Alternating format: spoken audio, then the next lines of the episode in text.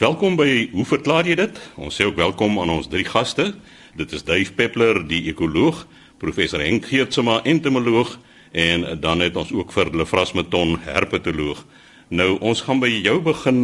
Dave, jy het 'n vraag ontvang oor kokkies met misvormde pote.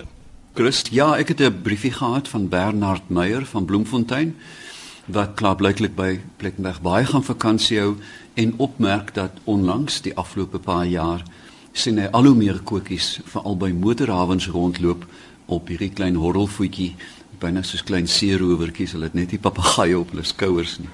Nou eerstens ons praat hier van die Kaapse kokkie en hier is sy roep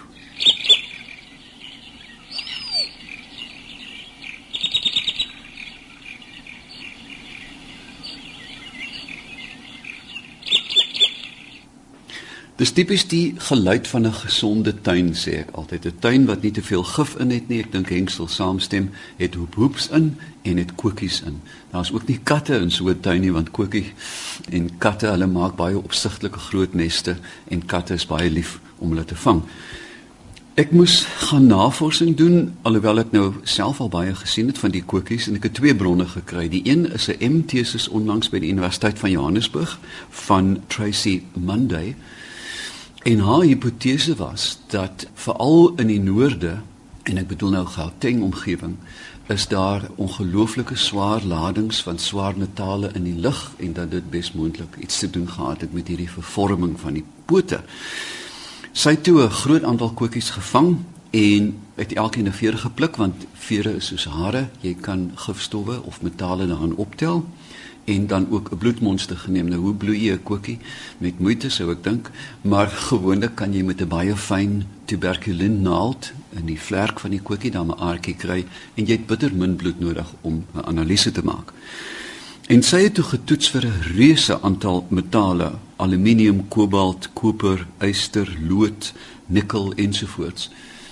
En die ontstellende ding wat sy gevind het, een is dat koekies en mes vermoed dan ook ander voëls veral in die noorde van ons land het vlakke baie ver bo wat aanbevole is in die koekie handboek. Maak net 'n grap dat die vlakke baie gevaarlik hoog is. Dit oorskry alle voorskrifte veral in terme van vreemde metale soos nikkel en so aan. Die verrassing was dat die voëls met die hoë metaalvlakke het die gesondste voete gehad. Daar was geen invloed op hulle beenstruktuur nie alhoewel 'n mens vermoed dat kalsium wat nou nie 'n metaal is nie moontlike invloed mag hê. En toe moes sy haar studie herbesoek en het toe begin kyk na ektoparasiete. Sy het ook netlik ook na die bloedvlakke gekyk in terme van oordraagbaarheid van impulse vir senuweeaktiwiteit. Sy het ook gekyk na stresstoetse. Meeste van die voëls was hoog gestres. Uiteraard, jy weet, as jy tussen voertuie met deur hardloop en uh, goed van die rooster afpik, is jy moontlik nie baie kalm nie. En toe sy begin begin kyk na ekoparasiete en daar lê die ding toe. Daar was 'n myt onder die skubbe. Nou ouer luisteraars sal onthou dat as jy hoenders aangehou het, het hulle sulke vervorming van die skubbe gekry, sulke knoetse wat die ou mense genoem het boots on. En ek dink dis vir boots on, die Engelse vervorming daarvan. Ou dae het jy die verskriklikste gif gevat, so iets soos double bendix en jy het dit in vaseline gemeng en dan aan jou hoender se pote gesmeer en dan oornag was jy goed natuurlik alles dood en jy heel moontlike hoë vlak van gif in jou eiers gehad.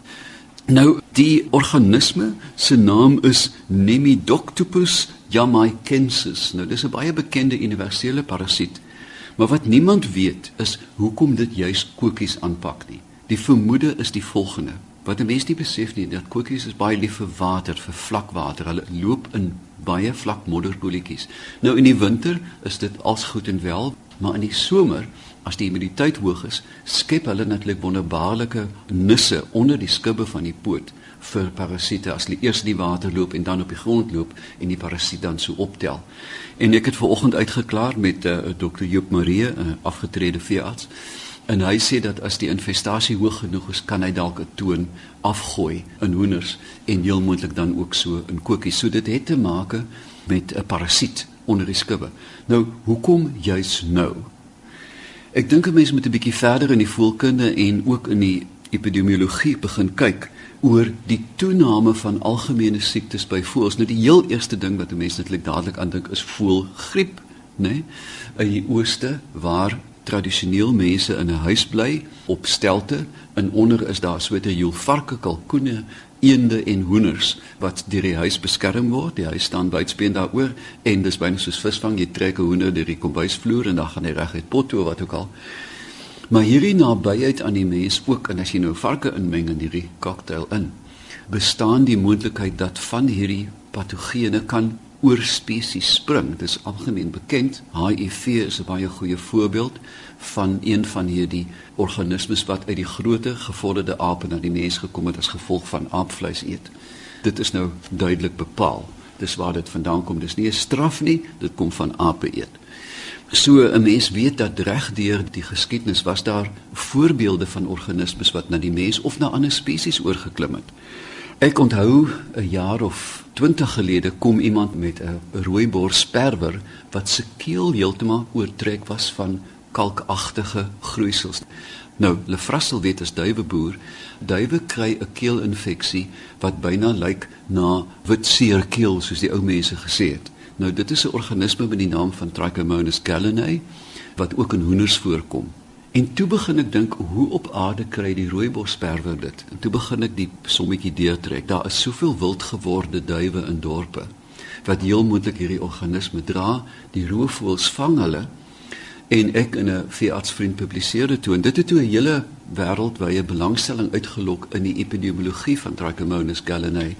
In die sin dat mense het gevind dat swerfvalke peregrines wat na stede toe trek verdwyn en dan kom die volgende een en verdwyn en hier was moontlik die antwoord dat die stad word 'n kern van besmetting van hierdie organisme en roofvoëls wat inkom vang heeltyd besmette diere en vrek self daaraan. Met ander woorde die stad word 'n dodelike magneet. So kan 'n mens kyk na 'n hele klomp van hierdie organismes reeds bekend sedert die middeleeue, né? Nee? Die wonderbaarlike boek van Frederik die tweede van Hohenstaufen wat 'n boek geskryf het by Arte Venandi cum Avibus die kuns van om te jag met roofvoëls en nou dit gepubliseer in 1240 en toe was hierdie siektes reeds bekend aan valkoniers nou valkonierskap is van die oudste sportsoorte op aarde. Weet ons dit kom uit die uit die voortye uit. Dit was van die eerste skakelings met die natuur wat mense gedink het as daai ding 'n duif kan vang kan hy hom vir my vang as ek 'n jongetjie in die hande kry. En daar het ons hierdie wonderbaarlike leksikon van name die keelinfeksies se falkoniersterm is frowns. En as hulle 'n verkoue in die kop kry noem hulle dit snurt.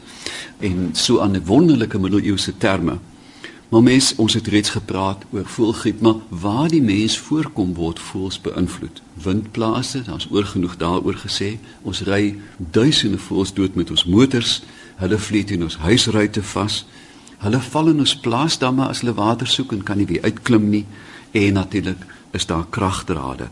Wat 'n mens wel kan voorspel, is dat hierdie siekte toestande gaan verdig hoe meer mense daar in 'n plek woon, hoe meer diere gaan siek word as gevolg van die komensele organismes wat saam met mense kom.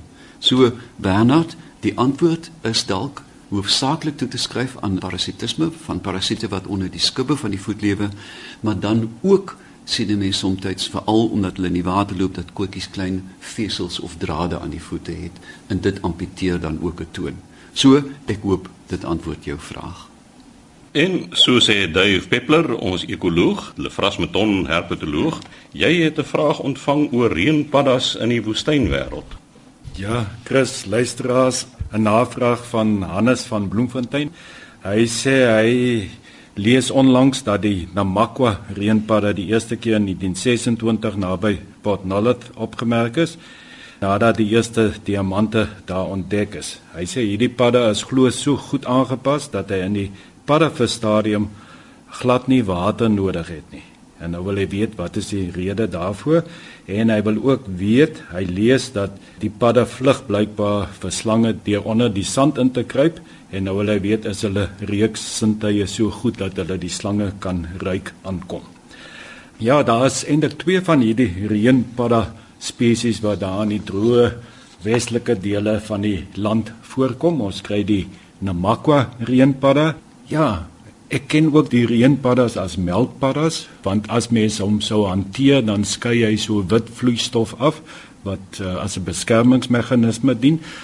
Hy blaas hom ook op as jy hom hanteer deur sy longe vol lug te maak om hom groter te laat lyk. So hy's ook bekend as die blaas op padda. Soos reënpadda Uh, hoekom het reënpadda genoem word? Is nou paddas wat in die woestyn voorkom, maar hulle kom maar net uit as dit reën of as daar baie mis in die lug is. Dit is hoekom hulle reënpaddas genoem word. So ons kry die twee Namakwa reënpadda, dit is Breviceps namaquensis. Breviceps beteken kort kop. Brevis kort en, en seps 'n skop. So hulle toe uh, of hulle in 'n muur vasgehardloop het. Baie komieklike paddatjies. Breviceps namaquensis, die Namakwa reënpadda kom so daar van die Oranje rivier af suid tot basies by Kaapstad. So met 'n dun kusstrook langs kom hulle voor. En daar's bietjie oorvleeling net so van suid van die Oranje rivier tot en met Loederitz. 'n Dun strookie langs die kus kom die woestyn reënpadda voor. Altwee soos ek sê hierdie komieklike geboude lyf opgepofte diertjies met baie kort beentjies. En onmiddellik is die vraag die amplexus tydens paring. Ons weet dat paddas wanneer hulle paar dan sal die mannetjie die wyfie of agter die agterbene vasgryp of net voor die voorbene. Maar hierdie ou paddatjies se beentjies is so kort dat daar's nie 'n manier dat hulle die mannetjie se wyfie sal kan vasvat nie. Want die wyfie is gewoonlik ook nog heelwat groter as die mannetjie.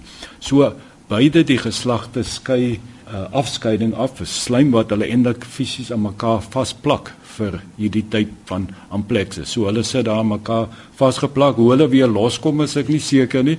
Ek dink hulle is ook in staat om dan 'n ander tipe afskeiding seker af te skei wat op daardie manier kan hulle dan weer loskom. Wat interessant is van hierdie twee paraspesies, hulle is lede van 'n baie unieke fauna wat teen die Weskus van Suidelike Afrika voorkom. Daar's 'n hele klomp spesies wat in daardie dun strook kusstrook langs voorkom. Daar's die Namakwa dwergaddertjie byvoorbeeld, daar's 'n Namakwa dwergverkleemannetjie, daar's 'n hele klomp grawende akedisse, daar's geitjies, almal is in daardie dun strookie langs die kus waar hulle voorkom. En dit het te doen met die koue Benguela seestroom en die hoë voorkoms of insidensie van mis langs daardie kusstrook. Nou ongelukkig, soos almal weet, is dit ook 'n area waar daar baie mynbouaktiwiteite is, so hierdie diere loop maar deur. Hulle is baie van hulle word dan as bedreig beskou. Nou om dan nou te kom by paddas, ons weet dit is 'n baie droë deel van die land, veral as mense in Namibië ingaan, reënval baie laag. Paddas is ons weet almal hulle paddavissies en hulle het water nodig want hulle het hierdie dun klam velle.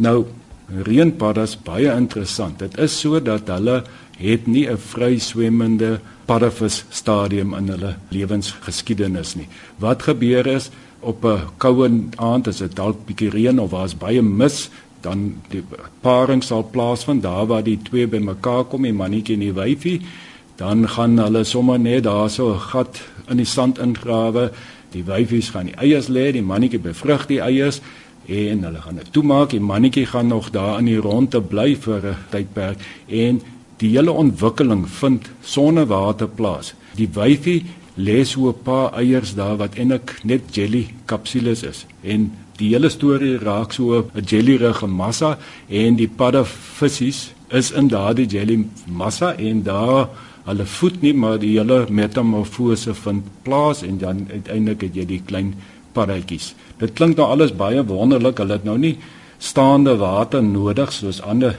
diere nie.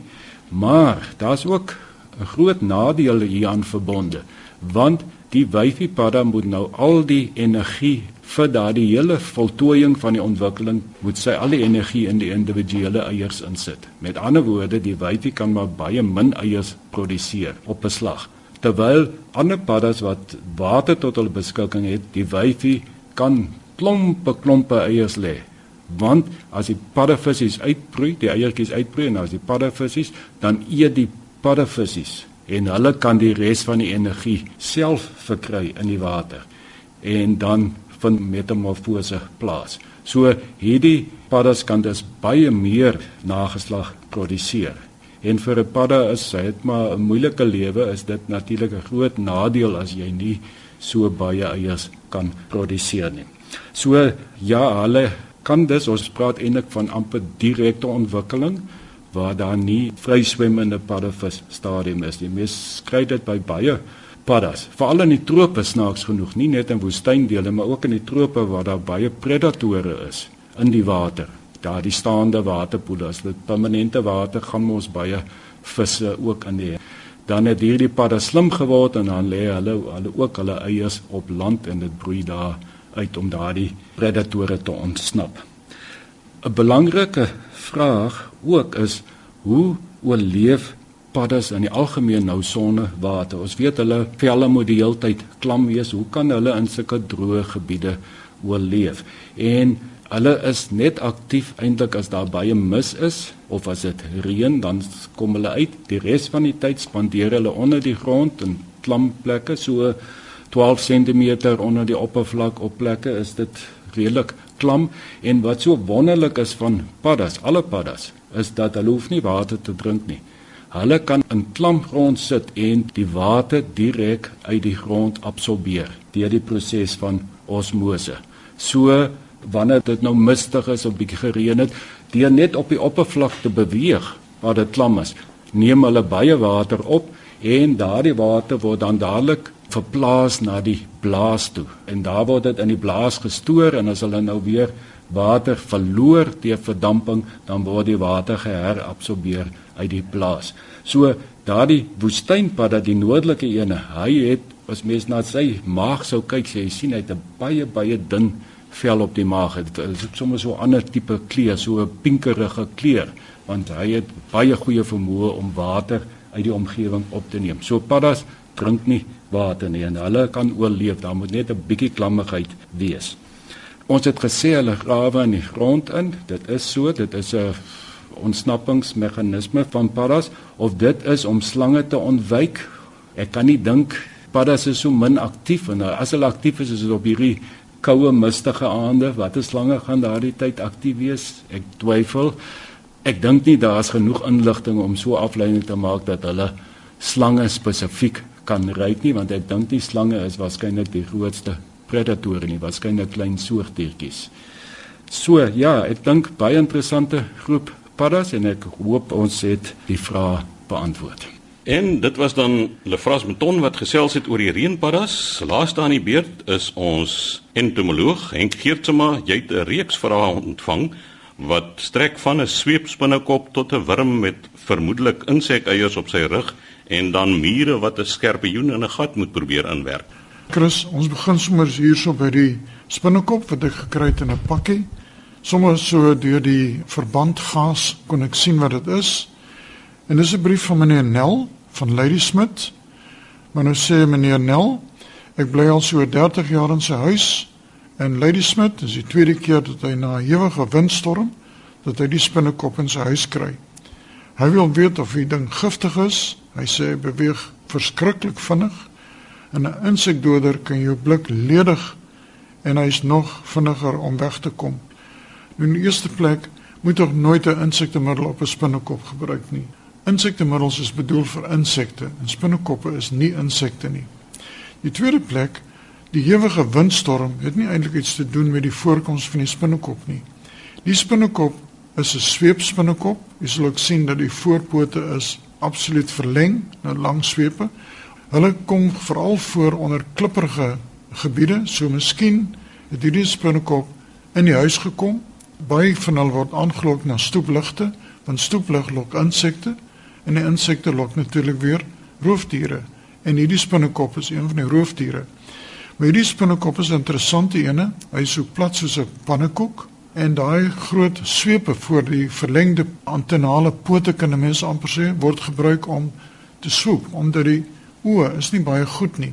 Jy sal ook sien dat die kake van hierdie spinnekop is formidabel, is baie groot want met hierdie sweep voel hulle dan voor hulle of daar prooi is en so gou hulle in die prooi raak en dis waar die vinnigheid inkom spring hulle op die prooi en met die groot kake die chelicerae gryp hulle die prooi vas byvoorbeeld kakkerlakke en die tipe goed maar hulle kan nie die mens byt nie Die kaak self is eintlik baie swak. Jy kan maar goed hanteer.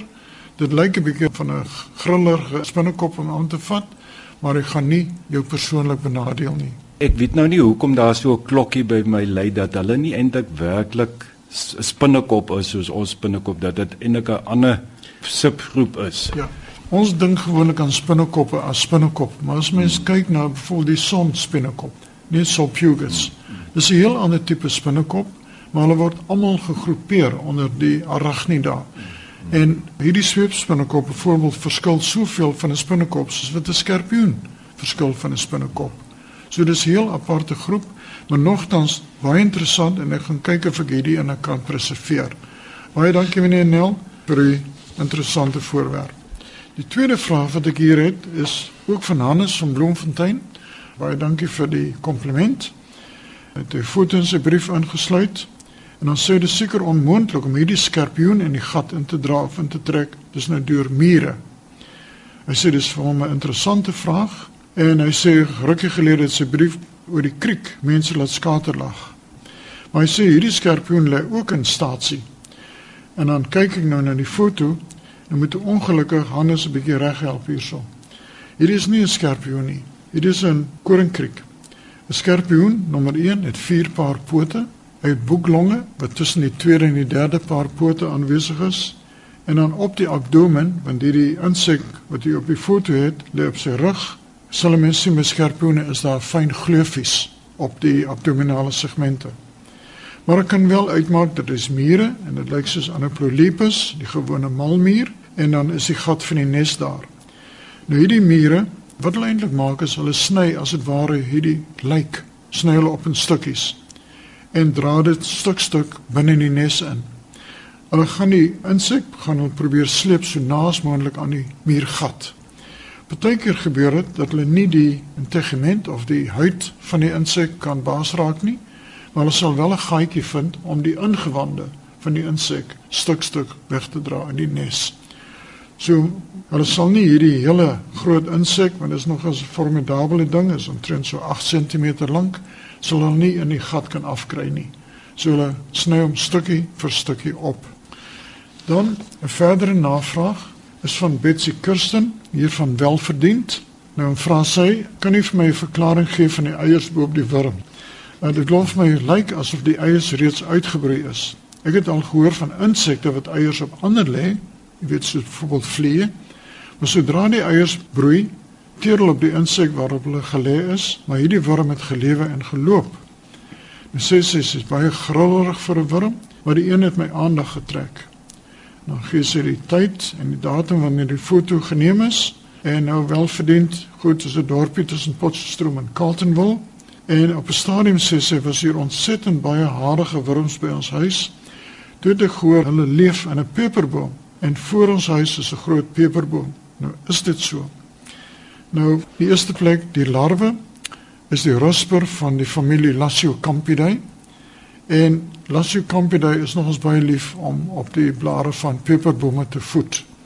So die massa larwes of ruspers of wurms wat jy gekry het, is van hulle.